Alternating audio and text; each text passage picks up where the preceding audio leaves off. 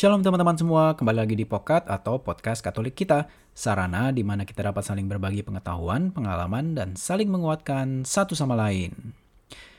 Di Pokat kali ini aku mau share sedikit tentang sebuah dokumen baru. Um, kabar baru banget sih, tapi ya relatively new lah. Dari bulan Mei 2021 yang lalu. Nah, kebetulan di KKIS Singapura itu aku kan bantu sebagai pengajar RCIA atau ketekumen lah kalau di Indo. Dan beberapa minggu lalu itu kita ada pembekalan dari uh, Romo pembimbing kita di sini, Romo Sambodo, dan beliau ada kasih tahu kita untuk baca satu apostolic letter yang baru dari Pope Francis, yang judulnya adalah Antiquum Ministerium. Ini related banget buat kita semua yang ada di Ministry of Catechis ya istilahnya. Jadi kayak di grup um, para katekis lah ya, atau yang mengajar katekisme. Buat teman-teman yang nggak familiar dengan dokumen-dokumen gereja, nama-nama dokumen atau surat-surat kita itu biasanya kan pakai bahasa Latin ya, seperti yang satu ini juga. Dan biasanya itu judulnya tuh ngambil dari dua kata pertama yang ada di pembukaan dokumen itu. Di dalam bahasa Latinnya ya. Jadi, tapi kalau di bahasa Inggris kalimat pertamanya itu gini. The ministry of catechists in the church is an ancient one. Antiquum ministerium itu artinya ancient ministry. Jadi ministry of catechist itu ministry yang udah ada sejak dahulu banget lah gitu. Udah ada sejak zaman bahala lah gitu istilahnya. Nah, um, sebelum kita touch sedikit ke dokumennya, kita juga perlu tahu dokumen ini tuh type-nya apa sih gitu loh. Kayak jenisnya kayak apa sih. Ini itu adalah apa yang mungkin teman-teman udah sering dengar sebagai motu proprio. Nah, apaan sih itu motu proprio? Literally artinya adalah his own initiative. Jadi um, kalau misalnya aku lihat dari wiki ya Wikipedia, motu proprio describes an official act taken without a formal request from another party. Jadi tuh ini tuh kayak Pope personal initiative. Contohnya tuh yang contoh lainnya tuh kayak misalnya pas Pope Francis menyatakan tahun 2015 sebagai Year of Mercy. Nah, kayak gitu. Itu juga lewat motu proprio ya. Um, by the way, dari tadi kan kita dengar terus ya, aku mention kata katekis, ya, Ministry of Catechis gitu. Aku yakin teman-teman banyak lah yang udah tahu apa yang dimaksud gitu. Tapi buat teman-teman yang lain yang mungkin nggak terlalu familiar, kata katekis itu sebenarnya artinya adalah to echo atau juga bisa juga diartikan to hands down. Jadi itu kayak nurunin sesuatu gitu. Sesuatunya itu apa? Sesuatunya itu adalah apa yang Tuhan Yesus udah reveal ke kita. Seperti lewat ajaran-ajaran gereja gitu. To echo. Jadi kayak gema gitu loh. Aku inget dulu waktu kecil ya, suka jalan-jalan ke puncak. Ya, aku kan tinggal di Jakarta. Itu tuh daerah, puncak tuh kayak daerah pegunungannya lah. Jadi kita sering jalan-jalan ke sana kalau lagi liburan sekolah. Mungkin kalau di Bandung tuh kayak lembangnya gitu deh. Nah, kalau kita teriak gitu di lembah, kan suka dengar gemanya ya kayak, kayak teriak halo gitu. Terus kita dengar juga kata halo halo halo halo gitu kan. Begitu juga di sini seorang katekis itu mengekokan faith-nya imannya dari generasi ke generasi. Apa yang diberikan oleh Yesus sendiri harus menggema sampai ke kita dan kita harus mengemakannya lagi ke orang berikutnya gitu. Yang pasti gemanya itu kan sama ya. Kalau dari awal kita bilang hello gemanya kita dengar juga hello hello hello hello gitu kan. Nggak mungkin nggak kita bilang hello. Terus gemanya apa kabar? Gitu kan. Nggak mungkin kan ya. Jadi uh, Eko itu tergantung dari awalnya itu apa dan berakhirnya juga harus sama gitu. Jadi singkatnya kita tahu lah ya seorang katekis itu adalah seorang pengajar iman. Pengajar iman? Kalau di bahasa Indo jadi apa ya? Ya susah susah juga ngomongnya. Tapi kalian ngerti lah apa yang aku maksud ya. Uh, nah sekarang lewat motu proprio ini Pope Francis itu mau elevate katekis jadi sebuah ministry. Dari yang tadinya mungkin cuma grup-grup biasa aja yang di yang mungkin dibuat di paroki atau mungkin kadang-kadang ada, kadang-kadang enggak, kadang-kadang cuma satu orang. Um, tapi sekarang mau diangkat jadi sebuah ministry officially ya. Apa sih maksudnya? Nah, biasa in the life of the church ya di gereja kita itu kita tahu ada yang namanya ministry, ada yang namanya apostolate ya. Apostolate itu semua kegiatan atau usaha gereja untuk handing down the gospel of Christ. Dan ini tuh menyangkut semua orang. Jadi jadi kita semua yang udah dibaptis kita tuh punya tugas apostolit ya. Jadi mewartakan kabar gembira, gembira. Sementara ministry kalau kita lihat di dalam katekismus gereja Katolik itu dijelaskan juga kalau um, ministry itu generally refer to work of those who have the holy orders. Jadi buat para bishop, priest, deacons gitu ya yang udah ditahbiskan. Tapi orang-orang awam atau lay person itu juga bisa turut ambil bagian. Mungkin contoh lain yang familiar buat kita atau buat banyak orang adalah extraordinary minister of Holy Communion.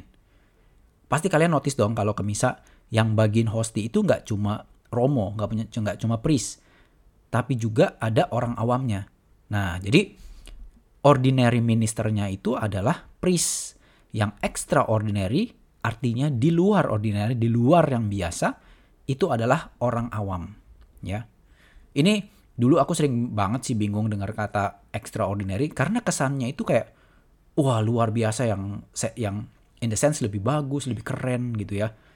Ya literally nggak salah, cuma suka bikin salah kaprah aja lah gitu. Padahal artinya cuma yang biasa itu priest, yang di luar priest itu berarti namanya di luar biasa atau extraordinary. Contoh ministry lainnya yang diberikan atau diturunkan ke layperson itu ada Ministry of Acolyte, Ministry of Lectors misalnya yang coba bacain uh, bacaan pas misa gitu kan ya. Jadi sebenarnya ini mungkin nggak asing lah untuk untuk teman-teman. Nah, sekarang Pope Francis dengan motu proprio ini nunjukin kalau katekis itu penting banget. Makanya dia mau katekis itu diangkat menjadi sebuah ministry officially. Oh ya, um, aku nggak bisa sih masukin kayak link dokumennya ke description ya kayaknya. Karena mungkin nggak bisa diklik juga. Tapi teman-teman kalau mau baca yang pasti bisa Google uh, atau lihat di um, website Vatican. Uh, klik aja atau cari aja Antiku Ministerium yang aku akan tulis di judul pokat ini juga ini tuh dokumennya pendek banget jadi kalau teman-teman mau baca aku rasa 8 sampai 10 menit juga kelar lah ya um, adanya di bahasa Inggris dan misalnya bahasa Inggris, bahasa Spanyol, bahasa Jerman gitu-gitu. Tapi nggak ada yang di bahasa Latin aku li lihat sih kalau uh, Antiku Ministerium atau mungkin nggak nggak di upload nggak tahu sih. Um, dari dokumen ini yang pasti ada dua hal uh, yang aku mau share. Yang satu yang yang yang penting itu adalah tadi aku udah mention berulang-ulang kalau Pope Francis mau bikin Ministry of Catechist itu officially ya. Jadi um, kita itu nanti atau mungkin mulai sekarang kan bakalan ada yang namanya Ministry of Catechist di paroki-paroki. Tapi implementasinya tentu saja nggak langsung kayak wah besok bakal ada ya, tapi mungkin bakal takes maybe couple of years sampai bishop di regional itu keluar dengan uh, rules-rules atau dengan uh, systematic plan-nya. Dan uh, satu hal lagi yang menarik yang aku mau mention dari dokumen ini adalah uh, sesuatu yang aku baca yang um, di paragraf ke-8 ditulis This ministry has a definite vocational aspect. Di sini dibilang kalau katekis itu merupakan sebuah vocation loh, sebuah panggilan. Kenapa ini menarik buat aku? Karena kita ngomongin di sini katekis itu bukan cuma orang yang bisa baca bahan dan ngasih tahu para katekumen, para murid-murid kelas itu, oh ini loh A, ini loh B, ini loh C. Oh kalau ini tuh begini. Tapi sebagai seorang katekis, kita dipanggil untuk lebih dari itu. Kita pastinya nggak bisa kasih apa yang kita nggak punya kan. Kita harus nantiasa dekat dengan Tuhan. Kita harus nantiasa belajar. Kita harus tahu ajaran gereja kita. Kita harus bisa ngomong dan articulate ajaran tersebut. Dan pastinya nggak cuma tahu, kita harus benar-benar percaya dan ngejalaninnya. Kita nggak bisa jadi orang yang munafik yang handing down sesuatu yang kita sendiri tuh nggak percayai atau istilahnya nggak mengimani lah. Dan kita nggak bisa jadi orang yang uh, menganut teologi supermarket gitu. Ap apaan tuh teologi supermarket? Kayak orang di supermarket gitulah. Kayak misalnya kalau kita kan ke supermarket ya, kita tuh ngambil barang apa yang kita mau beli kan. Wah kita mau beli susu beruang nih yang lagi rame. Ya udah kita ambil kita taruh di basket. Kita udah keranjang gitu. Kita kita cuma bayar apa yang kita mau. Jangan sampai seorang katekis itu ngikutin beginian. Ngambil dan percaya ajaran-ajaran tertentu aja. Yang dia mau atau dia suka gitu. Kayak yang dia nggak suka ya udah gue nggak mau ambil deh gitu. Jangan sampai seorang katekis ngikutin kayak begini ya. Terus di paragraf yang sama, lanjutannya it is in fact a stable form of service rendered to the local church in accordance with pastoral needs identified by the local ordinary. Yet, one carried out as a work of the laity as demanded by the very nature of the ministry. Di sini Pope Francis bilang kalau stable form itu penting ya. Jadi di paroki-paroki kita itu kita tuh kudu punya katekis-katekis yang yang stable gitu. Bukan yang ah gue mau jadi katekis tahun ini aja deh. Nanti tahun depan gue lihat lagi ya. Um, tapi karena ini nanti akan menjadi sebuah ministry paroki, diharapkan nantinya katekis itu juga akan stay for long period gitu ya. Jadi yang nggak loncat sana loncat sini gitu. Oh ya mungkin mungkin buat teman-teman ah sih mungkin karena katekis di, di, di gereja gue nggak begitu kok. Ya mungkin ini bukan problem di buat teman-teman ya di Indo atau mungkin di Singapura yang mungkin di parokinya memang udah ada grup katekis gitu dari dari bertahun-tahun. Tapi ingat ya, Pope Francis nulis ini buat gereja di mana-mana di di satu dunia ini. Nggak di semua tempat atau negara itu punya grup katekis yang solid lah istilahnya ya. Terus um, di lanjutan di line berikutnya, it is fitting that those called to the Institute Ministry of Catechists be men and women of deep faith and human maturity, active participants in the life of the Christian community, capable of welcoming others, being generous, and living a life of fraternal communion. Nah, jadi yang bisa katekis itu bisa cewek, bisa cowok. Kan lay person ya, bebas. Tapi di sini Pope Francis mention jelas banget harus punya deep faith and human maturity. Jadi deep faith itu penting banget bagi seorang katekis. Dan satu juga yang di di mention di sini yang penting juga ya, dibilang aktif di komunitas. Jadi nggak bisa yang cuma datang aktifnya tuh cuma napas gitu Natal Pasca doang. Anyway, gimana istilahnya bisa ngasih menyampaikan Kristus, mengasih pengalaman Kristus ke orang lain, kalau kita sendiri nggak attach ke Kristus. Attachnya cuma Natal sama Paskah, nggak mungkin kan? Terus dibilang juga being generous. Ya pastilah, karena sebagai seorang katekis itu pasti banyak pengorbanannya. Ya kan? Mungkin banyak bilang, ah gue kan nggak dibayar gitu ya.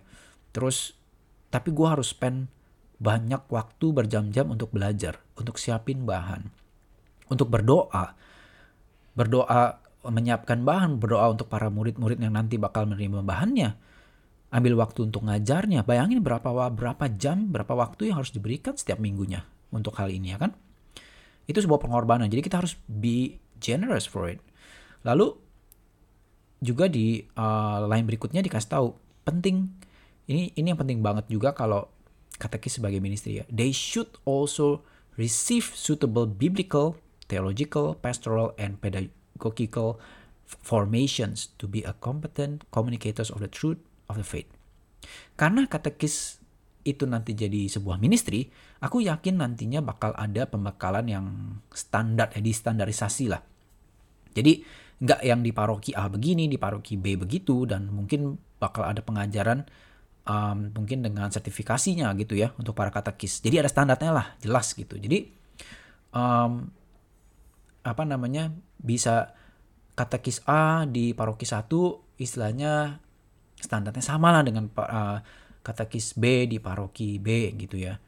Tapi implementasinya seperti apa nanti kita tunggulah dan dan pastinya bakal melalui um, tahap bertahun-tahun sampai kita mungkin sampai bisa to have a stable ministry of catechist everywhere gitu ya. Nah, jadi teman-teman ngerti dong Uh, seperti juga vocation-vocation lainnya lah, kayak misalnya menjadi seorang priest atau menjadi seorang yang terpanggil untuk berkeluarga, itu kan vocation ya. Pastinya kita nggak bisa setengah-setengah ngejalaninnya. Itu kan panggilan ya, panggilan hidup. Sama seperti seorang katekis juga.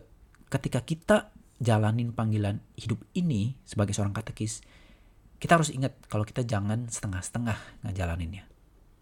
Oke? Okay? Sekian dulu pocket kali ini. Aku tunggu feedbacknya di DM Instaku ya, at wadi.bio.jerat. Thank you for listening and God bless you all.